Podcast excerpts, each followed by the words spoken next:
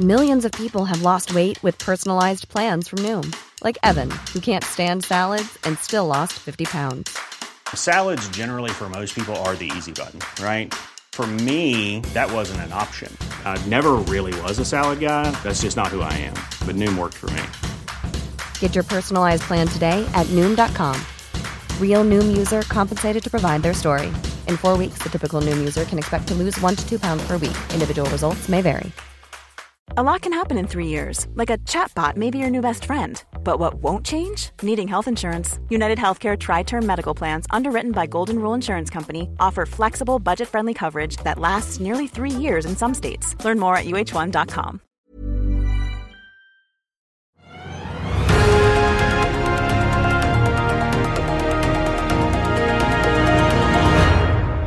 skal vi snakke om en av sektorene vi har fulgt nøye med på i år, og som jeg er ganske sikker på vi kommer til å følge tett med på i 2024 også. Men etter kraftig kursfall, særlig i aksjemarkedet, så er jo spørsmålet om bunnen er nådd nå, eller om oppgangen vi har sett siden månedsskiftet oktober-november bare holder oss eh, for narr inntil eh, videre. Velkommen til oss, Simen Mortensen, eiendomsanalytiker i DME Markets. Jo, tusen takk. Som vi snakket om, ganske store utslag eh, etter rentemøtet i USA forrige uke. Vi liksom var nesten på 5% på tiåringen i USA tilbake i oktober. Og vops, så var vi på 3,9. Nå er vi på 3,91 eller 2 eh, her akkurat nå. Det slår ut i din sektor òg. Veldig. Og det har vi jo sett de siste 14 dagene her, at eh, hvor mye disse amerikanske rentene har å si på forventningen til rentebildet. Eh, 20-30% i flere aksjer siden bunnen her. Så det er jo veldig spesielt, eh, og vi tror at det har jo vært veldig volatilt gjennom hele 2023 med press fra stigende renter. Og er, la oss være ærlige, det er jo ren, stigende rentene som er et problem for eiendomssektoren. Så når den faller, så er det ikke rart at det, det går bedre for sektoren. Og så er vi der da, hvor at Fed sier at vi skal ha tre kutt, kanskje. Eh, Så er det mange som Karl Johan som sier de er, tror ikke at det kommer, og så har markedet prisa inn seks. Hva var det jeg skulle si. Mar altså, markedet priser inn flere. Ja, Ja. så at eh, Det er litt uenig med Jerome, ikke uenig med deg. Ja. Ja, men det er ingen som vet hva som skjer her. Det er masse risiko. Ja. Så det vi i hvert fall vet, er at det kommer til å bli volatilt. Ja. Eh, For nå er sektoren priset på den renten vi har i markedet. Og det er jo for så vidt greit, for den kan jo selskapene og eiendomsaktører gå ut og bruke i dag. Så at, at de kan begynne å hedge litt rente på lavere nivåer og sånt, er jo definitivt kanskje smart når, kun, når rentekurvene er invertert så mye. Men at uh, vi får alle seks som nå er prist inn, begynner å komme litt skuffende makrotall på at kanskje inflasjonen holder seg litt høyere, så vil vi se reverseringer. Så vi, vi tror på et veldig volatilt år eh, til neste år også. Eh, Men det er ikke nødvendigvis bedret selv om renten har stupt ned så fort som den har nå, fordi mest sannsynlig så blir det ikke flatt heretter. Nei, for det er jo nesten så dere, dere er en slags sånn tech-rally eh, gjennom sektoren. I hvert fall hvis du titter på grafene på også. Mange av de nordiske store så har det jo gått mye den siste tiden. Men eh, når vi har sett det kraftige fallet som vi har da, på utenlandske renter, i hvor stor grad klarer disse selskapene faktisk å utnytte det til å kjøpe seg rentesikringer eller refinansiere? Klarer de det, eller går dette så fort at Nei, De klarer det jo på en viss grad, men eh, kanskje også det er jo blandingen av den korte og den lange renten vi må se på her. Hvor mange har en flytende base, som nå er veldig høy. Den er kanskje på toppen, den eh, flytende rentekostnaden.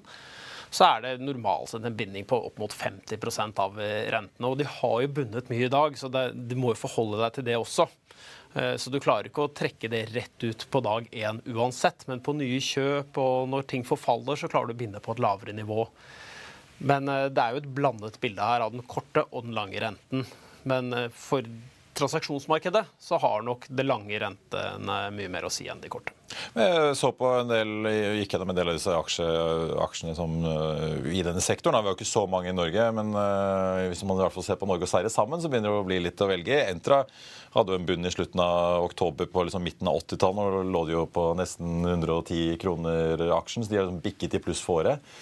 Men den oppgangen vi har sett, er det, er det litt sånn gledesrus fordi åh, endelig var det et lite lystegn, eller mener du at det kan forsvares? Det kan forsvares hvis du ser på dette som vi kaller yield-gapet. Hvor mye sånn som Entra sin aksjekurs, hva er forventet avkastning på eiendommene til Entra? Og så ser man på, Da har du en prosenttall som heter yield, som er den løpende avkastningen. Og så er det forskjellen mellom det og swap-renten. Det kaller vi yield-gapet. Og den har nesten vært konstant under hele den store bevegelsen her hele tiden. Så vi ser at det er rentebevegelsen som prissetter rett inn i, eh, i aksjen. Så at eh, Når det blir så store volatiliteter i rentemarkedet, så har det slått rett ut i eh, aksjene. Og sånn som i Entra så har det slått veldig hardt ut. Av, de norske, ser du på de andre norske, sånn som Tono, KMC og Aurora og litt andre, som er litt mindre likvide, så har det ikke vært så stor bevegelse. Men de har ikke like mye handel, og de er ikke like finansielt belånt. Men i den svenske sektoren så har bevegelsene vært lik som i Entra, og i større, for der er det jo også noen litt mer belånte selskaper. Ja, jeg så Castellum har gått fra 100 til 100 nesten 50 svenske. Balder hadde faktisk en bunn i mai, så jeg, var ikke tidligere i høst. De har også mm. gått fra altså, Det er ikke dobling, men det er ikke langt unna. Ligger det liksom fra 45 opp til 70. Ja, Det ser bra ut på 6- og 9- og 12-månederskartet. Hvis, hvis du går på femårskartet, så er det fortsatt kanskje ikke Det er et stykke igjen til toppen. Ja. Uh, og det er jo nettopp det at den siste tiden så er det jo når du kommer så langt ned så blir det så lite markedsverdi i forhold til størrelsen av gjelda, og da blir jo aksjene veldig potente med den finansielle belåningen som er der. Men Nå er jo SPB et case for seg selv, da, men hvis du ser liksom på de andre Hvordan er risikoen nå for at de må ut og plutselig selge noe eiendom eller refinansiere? Vi har et par kandidater som vi tror kanskje burde hente penger, og SPB har jo vært den naturlige. Vi har jo ment at SPB trenger kapital, og skrevet det flere ganger også. Men det tok vi faktisk til hold her nå etter Q3-rapporten. Og det hadde egentlig bare med at eh, hele markedsverdien av selskapet var under 5 av EV-en. Så det var bare en sånn opsjonsverdi igjen. Og da ser man jo når rentene begynner å gå litt, så skyter det rett opp. Eh, du har et par andre aktører også som trolig trenger å bedre balansen. Og vi har jo et syndikatmarked i Norge også. Vi tror det kan åpne seg mye spennende muligheter. Eh, hvor aktører trenger å bedre balansen, og du kan komme en del transaksjoner. Så ja, vi har et par stykker som vi tror trenger.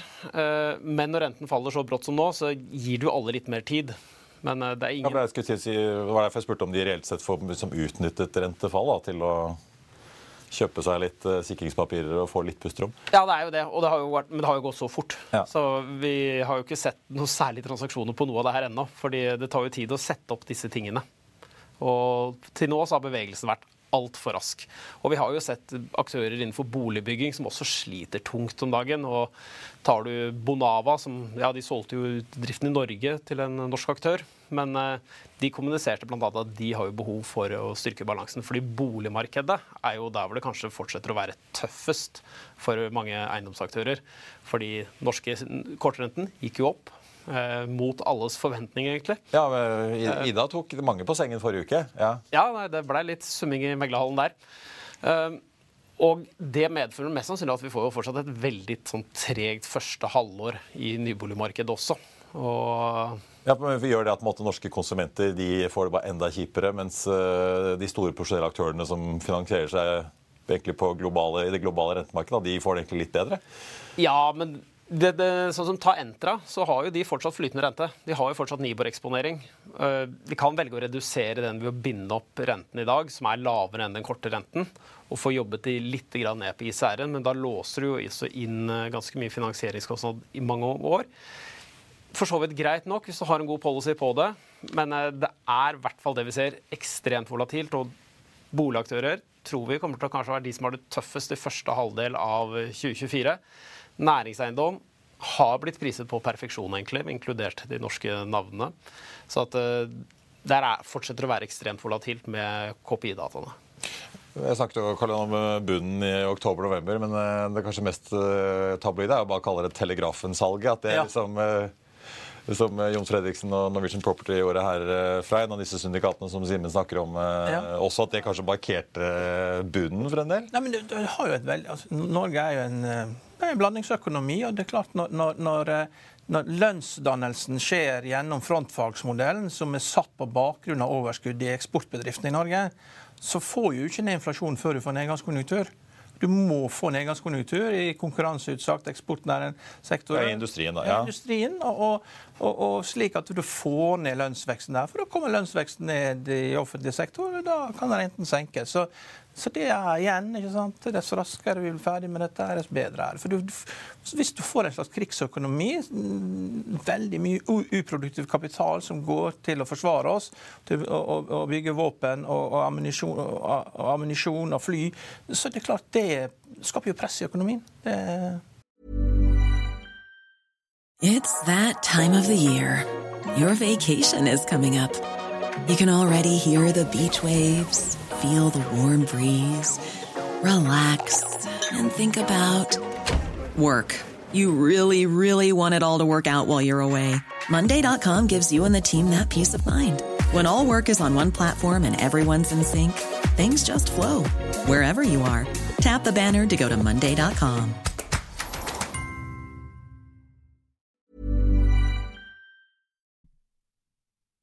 I'll see you in court. Vi sier det ofte litt på spøk, men for deg som driver business, er det aldri moro å innse at du ikke har laget en 100% gyldig kontrakt. Du bør ikke risikere hele firmaet ditt fordi du synes dette med kontrakter er litt stress. En avtale er ikke en avtale. Du kan miste kunder, miste venner, ja, til og med miste inntekter om du ikke lager en skikkelig kontrakt, på alt mulig, egentlig. Men vi vet det er et styr. Kopimaskiner, tregprinter og haugevis av papir. Dessuten stoler vi jo på folk her i landet. Det er ofte litt kleint å skulle be om en signatur for alt mulig, ja, for mye av styret handler også om jakten på underskriften. Det finnes en enkel måte å løse dette på, Dukkobit, en trygg, effektiv og get this, gratis måte å sikre seg en god natts søvn pluss en juridisk bindende avtale. Dukkobit-appen har de strengeste sikkerhetskrav i bunn, samt en EU-godkjent og sertifisert teknologi. Framover vil det bli behagelig å spørre du, skal vi skrive under på det, eller? Kom i gang på dukkobit.no. Men det så jo Fredrik, for Poenget var i avisen i dag så skriver vi om liksom hvordan alle verdiene til Fredriksen i shipping og alt mulig har steget. De pløyer jo penger inn i eiendom og obligasjoner. Mm. Vi hadde Thomas Due, Nordea, eiendomssjefen der, for ikke så lenge siden. Han sa også at det er flere enn Fredriksen-systemet som har tjent som de får bli kontaktet av da, i liksom banksektoren, som har tjent penger i andre sektorer og kan godt være villig til å kjøpe eiendom på billigsalg. Det er det. og det er... Litt som du sier, Er det kjøpere til det Plutselig kjøp... kommer disse objektene ut nå, da? Det finnes jo kjøpere på rett pris. Mm. Uh, og det, det er det nøkkelen er. Hva er rett pris? Og den avhenger av renten. fordi de fleste eiendomsaktører er jo avhengig av dette begrepet som kalles rentedekningsgrad, ICR. Uh, og det, er ofte en covenant til bankene, og den settes hardt under press på noen av de skarpeste objektene som prises til markedet i dag. Du er nødt til ofte, Skal du være Entra eller andre investment grade da, og ha billig finansiering i obligasjonsmarkedet, så skal du helst denne være på et nivå hvor EBD-en, del på rentekostnaden, er 2,4 eller høyere. Og det krever ganske høye gilder i uh, dagens rentemarked. Selv om renta liksom er 3 uh, eh, som det er 3,3 er den vel i dag, sist jeg sjekka. Da må vi kanskje opp mot 5, 5 pluss i gilder i verdivurderingene eller i transaksjonene før du helt tatt klarer å regne igjen denne type ICR-tall. Mm. Og det, de gjør, der er det kjøpere.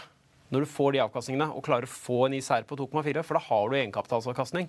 Men akkurat nå så er jo beviset i transaksjonsmarkedet at avstanden mellom kjøper og selger er fortsatt enorm det er lite transaksjoner i næringseiendom. Altså det, er, si, det er foreløpig øh, Vi har sett et par Arctic-syndikater øh, slite. Vi vet jo fortsatt ikke om Storebrand skal bli boende. De har vel svarfrist i juni, er det vel, øh, ute på Lysaker. I bygget der, som også sliter. Men Telegrafen ble jo riktignok solgt. Men er dette da foreløpig unntak fordi differansen mellom kjøper og selger fortsatt er litt for stor til at vi begynner å se veldig mye eiendomsskiftehender og ting blir liksom løst opp i og Det er det det er for stor, og så ser du på kredittmarginer på obligasjoner, kredittmarginer i bankfinansiering, det har også økt, som setter et press i tillegg til renteoppgangen. Og da skal du sette deg ned og få regnestykket i boks, og så går det ikke alltid helt i hop i forhold til sånn du hadde forventet. Og innenfor norsk syndikatmarked så er det Vi har gjort en del analyser eh, på syndikatmarkedet i DNB Markets, og vi er vel bekjent med at det er nok mange flere enn disse syndikatene som eh, du nevnte fra en konkurrent av oss. Ja det er flere Jeg har også hørt om flere, men uh, i hvert fall fra det jeg har hørt, så er lånegraden litt lavere enn det Arctic gikk ut med. sånn at det tar litt lengre tid før noen av de begynner å slite. Men de kommer jo kanskje til å begynne å slite, de også. Det kommer veldig mye forfall innenfor denne sektoren innen uh, neste år og 2025. Ja. Uh, og da blir det et press. Og det vi er mest redd for og bekymret for, er nettopp hvilken ICR-er kommer vi på. Og da er det sånn igjen Hvor skal renten? Uh, hvor er normalrenten? For nå er det prisa inn seks kutt fra Fed og andre banker framover, eller sentralbanker. Det er mer enn det de tror på. Eh, så volatiliteten vil være der. Eh, men kommer vi ned og får seks kutt, så er det veldig fint for alle sammen. Og så er vel forskjellen eh, Det er vel bedre å havne der at du på en måte ja, leieinntektene dekker renten, men ikke avdrag, det er vel lettere for banken å akseptere enn at du, du plutselig er så under vann, som vi har sett uh, bl.a. Ja. på Equinor-bygget, hvor uh, de har ikke nok leieinntekter å dekke renten i perioder. Ja, og klarer du ikke det, så da må jo banken agere og gjøre noe. Gripe inn, og det samme at Du skal jo også opprettholde vedlikeholdet på Capex osv. For eiendommen blir jo eldre hver eneste dag. Eh, så du har jo også det behovet, og det er derfor ofte sånne krav til ICR, denne rentedekningsgraden, ligger rundt 1,8 til 1,5 i den rangen der som en covenant fra bankene, for du har betalbar skatt. Du har jo ikke fulgt eh, Det er en begrensning på hvor mye skatt du kan trekke av, mye rente du kan trekke av på skatteberegningen også, som påvirker den cashflowen du sitter med på bunnen her. Men dette kan jo åpenbart åpne noen ganske store muligheter da, for type Jon Fredriksen eller lignende aktører som har mye kapital i bakhånd. Mm. Han er jo åpenbart i City med Norwegian Property, men også dette er det Fabege eller Fabege, Fabege, ja. Fabege i Sverige? Ja. Det er jo en av de det er et litt høyt belånt selskap, syns vi, uh, i forhold til kontantstrøm. Men de har jo helt fantastisk eiendom. Ja, for er, det, er FABG eller er det noen andre du tenker på hvis du tenker litt på lang sikt, som kommer til å komme skikkelig godt ut av det her? Det var ikke Norwegian Popular børs lenger, så du kan liksom ikke kjøpe deg der. Nei. Nei, vi har tenkt eh, Castellum er nok eh, en av de som har best balanser av de store likvide. Det har vært vår sånn go to hele tiden på kjøp. at eh, Hvem har en god balanse, hvem har en god eiendomsmasse? Castellum i Sverige var en av våre absolutt favoritter. Så får vi også se da hvor, hvor flinke Ton-gutta velger å være i denne sykkelen her. For de har jo vært en aktør som har vært konservative i veldig mange år og har ekstremt lav belåning og kanskje de best ladede kanonene. Vi får se om hundreåringen fortsatt er sulten på vekst. Eh, men de, er de selskapene som har best balanse, vil kunne bruke transaksjonsmarkedet som nå kommer til å skape mest verdier. Og få tak i enda mer objekter. Det, det, er jo sånn at uh, Hvis du skal bygge en eiendom nå i utkanten, så, så får du ikke lov til det. Men regjeringskvartalet er jo i ferd med å komme. ikke sant? Og Det er jo innerst i løken.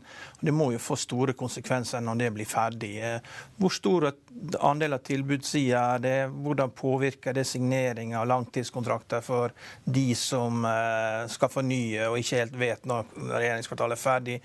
I det hele tatt, Hvordan påvirker det eiendomsmarkedet? Det er jo veldig lav ledighet, bare 6% Jeg regner med det er noe av det er fordi man venter på at eh, det bygget skal komme. Og Da må jo det, akkurat sånn som DNB flytter ned i Bjørvika, så må man jo da rasjonalisere og, og, og eh, redusere bemanninga inn i et nytt bygg. Eller et hva tror du skjer når regjeringskvartalet kommer? Nei, eh, Leiemarkedet har jo til nå bare vist styrke. Så at ja. Eh, leiemarkedet har man egentlig ikke vært så bekymret for. For det er det finansielle som har vært den store utfordringen. Ja. Eh, selvfølgelig så er vel dette ja, Det er noen hundre tusen kvadratmeter, jeg husker ikke tallet helt. Men det er et par prosenter av arealet i Oslo. Det fases over inn over flere år. Det er ikke sånn at ett bygg er ferdig, og så flytter alle inn. For det er jo flere bygg i dette regjeringskvartalet. Så det kommer over flere år, og det vil alltid vært nybyggsaktivitet hele tiden. Så der tenker jeg mer hvordan går det i konjunkturen, arbeidsmarkedet, sysselsettingsgraden, hva er den faktiske etterspørselen? Det blir én del av et komplett bilde med tilbudet, og så har du etterspørselen. Så, Men Er det lagt fram noen plan om å effektivisere bruken av areal i forbindelse med regjeringskvartalet? Ikke, de er vel ganske ja, det var litt, uh, hemmelige, er det ikke det? Jeg tror ikke alle får cellekontor. alle får nok ikke cellekontor, men så er vi også i det markedet hvor nybyggsaktiviteten i, fra private aktører har jo bare strupet helt ned. Ja. Så at du har jo veldig lav nybyggsaktivitet fra de private, som nå sliter med å få kalkulasjonene i boks. Sånn sett så nå får du da offentlig eller offentlig tilbud i leiemarkedet når det private går helt ned i kjelleren, for det startes jo nesten ikke noe privat. Hva tenker du om disse entreprenørene, typ altså, apropos bygge i regjeringskvartalet, altså Veidekke og uh, disse? Er det risky bets fremover, eller har liksom det verste blitt tatt ut? Det spørs hvordan du ser på det. Det er jo boligmarkedet. Og man vet jo at bolig, bolig er, jo er i bøtta. Det, det, det, er liksom det store hullet under osten. Og så har du anlegg og offentlige bygg som fortsatt ruller og går. Og jeg tror den beste måten å se på det, er bare å se på ordrebackloggen. Og vi mm. ser jo faktisk i ordrebackloggen til selskapene det er fortsatt på rekordnivåer. De har jobb å jobbe med. Og det er vel det mest betryggende. Vært riktignok litt sånn nominelt flatt. Og vi vet at når inflasjonen er så høy som nå, så er jo det en volumnedgang. Og det er derfor man ser at det selv om liksom i kroner så ser det greit ut, men så ser man at de kanskje justere litt på bemanningen fordi inflasjonspresset er der. Men eh, ordrebackloggen for disse selskapene er jo veldig støttende for eh, aktivitetsnivået. Og så er det mer hvordan klarer de å jobbe med den høye inflasjonen og kostnadspresset osv. Ja. Du har alltid hatt, vært litt hard med AF-gruppen. Nå er kursen der 119, du har salg og kursmål 95. og AF-gruppen er jo et selskap som vokser aggressivt og tar kontantene, kontantene fra oppkjøpene og deler ut i utbytte. Men den trenden vi får nå, eh, den strategien som de har hatt, blir den bremsa av nedgangskonjunkturen, eller tror du at de vil fortsette å kunne klare å fortsette å kjøpe opp fordi at de vil kunne hente inn kapital utenfra til å gjøre det? Nei, AF er jo Min salg i AF har jo aldri vært fordi at jeg ikke liker selskapet. Det har bare vært at jeg syns kursen er for høy. Ja. Eh, Det er jo et fantastisk godt selskap som har driftet, som du sier. Men de har vært veldig heldige og hatt en høy aksjekurs. Og har du en såpass høy aksjekurs, så får du veldig innvandrende oppkjøp. De har vært flinke på å bruke den eh, delen der. Nå har resultatene kommet litt lenger ned i forhold til det vi har sett i siste tiden også, i AF-gruppen. Eh, Og da går aksjekursen litt ned også. Eh, og da mister du litt den der multiplikatoreffekten ved å ha en høy aksjekurs som du bruker til oppkjøp. Vi har fortsatt salg, og det har med at den har en del premium til sine tilsvarende selskaper, både i Sverige og Veidekke i Norge f.eks. Så det går på hvordan du skal verdsette aksjen, og hvor mye vi velger å vektlegge dividenden i eh, AF-gruppen, som har jo vært over Epsen i veldig mange år. Eh, Det er jo egentlig ikke mulig over tid, men det har det vært for de, for de har jo hentet egenkapital og betalt ut eh, mer enn Epson. Vi, vi ser jo at boligutbyggere, noen av de har jo gått over ende, men det er kanskje spesialtilfeller her i Oslo-området. Er det noen risiko for at eh, hvor galt skal det gå i Norge før denne type selskaper her får problemer med å, å overleve? Det største faren for de store entreprenørene vil jeg si er uene underleverandørene. Eh, at de kan gå på tap ved at en viktig UE faktisk går konkurs eller sliter sterkt økonomisk og klarer ikke å stå for Og de må inn og rydde opp, liksom? Og de må inn og rydde opp. Det er nok den største faren for disse selskapene, og kan gå på økonomiske tap der. Eh, For de bruker veldig mange underleverandører. Til slutt, eh, Simen. eh, Nå får vi besøk av Thomas Nilsen her på eh, starten av januar for å gjøre et lite sånn sluttregnskap på denne betten hans han har hatt på å selge huset og kjøre alt inn i eget eiendomsfond som han forvalter. Det har jo foreløpig vært veldig lurt. Det ser ut som han har tjent bra på det. men Litt som du sier da, Hvis vi nå får en slags sånn konvergens da, mellom markedet som tror på seks rentekutt neste år, og ja, la oss si Jerome får rett, at det blir tre eller kanskje to. Ett. Kommer disse aksjekursene i sektoren veldig under press igjen da på, utover de første månedene i året, tror du? På en stigende rente, hvis det blir som du sier at eh, markedet begynner å prise en høyere rente igjen, så ja, da tror vi vi får en ny korreksjon. Ja. Og da ser vi volatiliteten som kan Og Så da kan den oppgangen vi har sett siden oktober Ikke nødvendigvis alt, men jo, borte. spør, da skal vi jo helt opp igjen i toppen av rentekurven. ja. Ja, men noe av det kan nok eh, komme i en korreksjon. Så vi, får, eh, vi, må følge, ja, vi må følge litt mer på spreaden mellom Drome og markedet. Det kan være en sånn Så- egen indeks fremover, det. Det, det blir spennende å følge, for det blir volatilt og muligheter til å gjøre mye trades. i hvert fall. Ja. Så tipper jeg at eh, Colliers og alle sammen som driver med trading, Newsec og co., de, får, de satser vel på å få mer å gjøre neste år. Det håper vi. Ja. Takk skal du ha. God jul og godt eh, nyttår.